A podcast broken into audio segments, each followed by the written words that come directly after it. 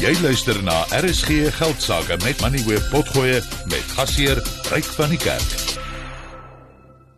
Driekus Kombrink is van Capicraft, hy is op die lyn. Driekus, baie welkom by die program. Daai rand is vir my 'n lelike syfer. Ek ek het lanklaas gesien dat ons rand so onder druk is. Wat gaan daaraan? Ja, ryk nie lekker nie. Uh en dis op 'n stadium op 'n oomblik in die markte waar ander ontlikeende markte nou nie hierdie skuld kan kry nie. Ons is nie deel van 'n mandjie wat val nie. Hierdie is die rand passeer kry. Ehm um, en dis nou afloop meestal na die begrotingstoespraak. Aanvanklik het die rand versterk. Die rand het van 19 na 18.80 toe omtrent versterk.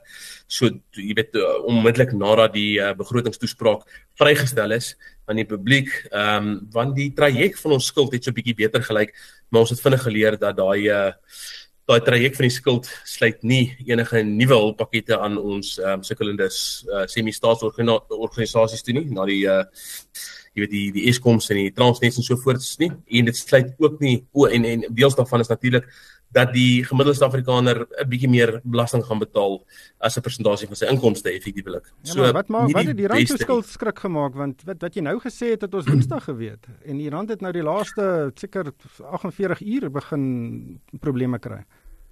Ja, ek dink hy het nog so 15 sent of wat vandag of oor die laaste 24 uur verloor, maar meeste daarvan is in die kom ons sê die die 12 ure na die begrotingstoespraak, daardie aanvanklike versterking gewees. Uh dan sou natuurlik ehm um, uh, uh vlak 4 beerdkrag wat ook aangekondig is in die in die laaste 2 dae weer. Ehm um, en dan 'n uh, hele paar artikel uh, 189 afleggings aansoeke by die departement van land ag van van uh arbeid ingedien deur ons mynboumaatskappye. Uh dit tel ongelukkig momentum op. Ek sien Nolde met vandag uh bekend gestel dat hulle hulle sinne wat aangekondig was einde verlede jaar daarin bietjie gemitigeer het, maar in die week het Amplats ook een aangekondig en ons kyk so na 4000 werksverliese daar. So uh, reik dit is dis dis een slegte bietjie nuus op die volgende ene, maar ek dink die ding wat wat die meeste raak waaroor beleggers ehm um, kou, is die feit dat ons bereid is om 150 miljoen rand te gaan uithaal uit ons reservefonds uit uit ons buitelandse reserve. Meer as 150 miljard rand, ekskuus, ja. 150 miljard rand. Ja.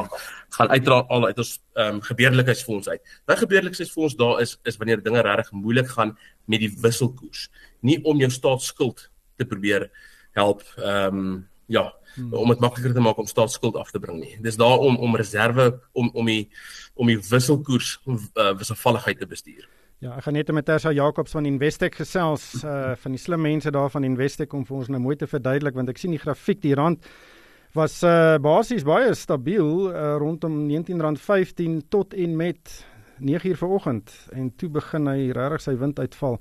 Uh, nog 'n interessante ontwikkeling daardie.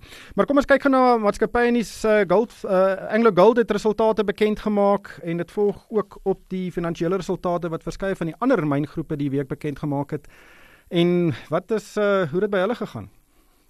Ja, ryk dit baie beter as wat Goldfields en was. Harmony het natuurlik ook baie goeie ehm um, resultate uitgebring, maar uh Anglo Gold se nie heelwat beter as wat verwag is. Ehm um, men kyk hierso waar hulle praat van totale mynbouproduksie van 2.6 miljoen onsse.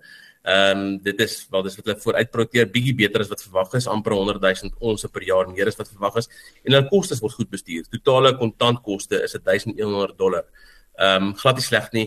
Uh en hulle hulle bestuur goed hulle uh, hulle all in sustaining cost. Die al dis dis die koste wat die die voortsetting van die leeftyd van die myn insluit. Dis 1538 uh 'n bietjie bo wat hulle ehm um, verwag het, maar met hoër produksie vorentoe mitigeer dit so 'n bietjie van 'n van daai toename in kostes. So ek dink 'n sterker verslag vir Anglo Gold af as wat ons van byvoorbeeld Goldfields gesien het wat teleurstel het en dan Harmony ook wat vroeër hierdie week baie goeie resultate uitgebring het.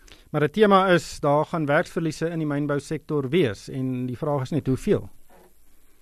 Ja, ehm um, ek dink meeste van ons uh, goudmyne is bietjie meer beskermd geweest en baie van ons goudmaatskappye doen nie eers meer mynbou in Suid-Afrika nie. So die goudmyners is nie is nie meestal deel van daardie probleem nie ryk. Ek dink is meer in die platinum sektor en dan iemand soos uh uh, uh Kumba het ook genoem. Hulle kyk na afleggings want en hulle noem pertinent Transnet. Ja. Dan City Lodge het uh, ook 'n uh, aankondiging gedoen, finansiële resultate bekend gemaak. Aandeleprys amper 8% af. Ja, reg, ek dink die mark het hoë verwagtinge hier gehad. Onthou hulle herstel nog na COVID. COVID het hierdie maatskappy op sy knie gedwing, daar moet groot herstrukturerings plaasvind. Hulle het baie mense afgelê ook net na COVID.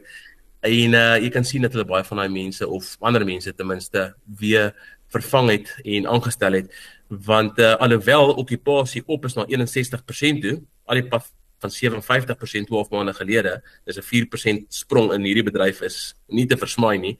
Ehm um, is wins per aandeel net 10% op en die rede daarvoor is dat uh hulle inflasie reg deur die bank gehad het en hulle meer mense aangestel het. So jou tipiese kostekomponent het amper 20% gespring. So ek dink dit is dit is die rede hoekom uh beleggers so effe teleurgestel is. Wel ek sê effe 7% op die dag af, so is meer as net effe. Jy het geluister na RSG Geldsaake met Money where potgoe elke weeksdag om 7 na middag. Vir meer Money where potgoe, besoek moneyweb.co.za of laai die toepassing af en volg Moneyweb News om dagliks op hoogte te bly.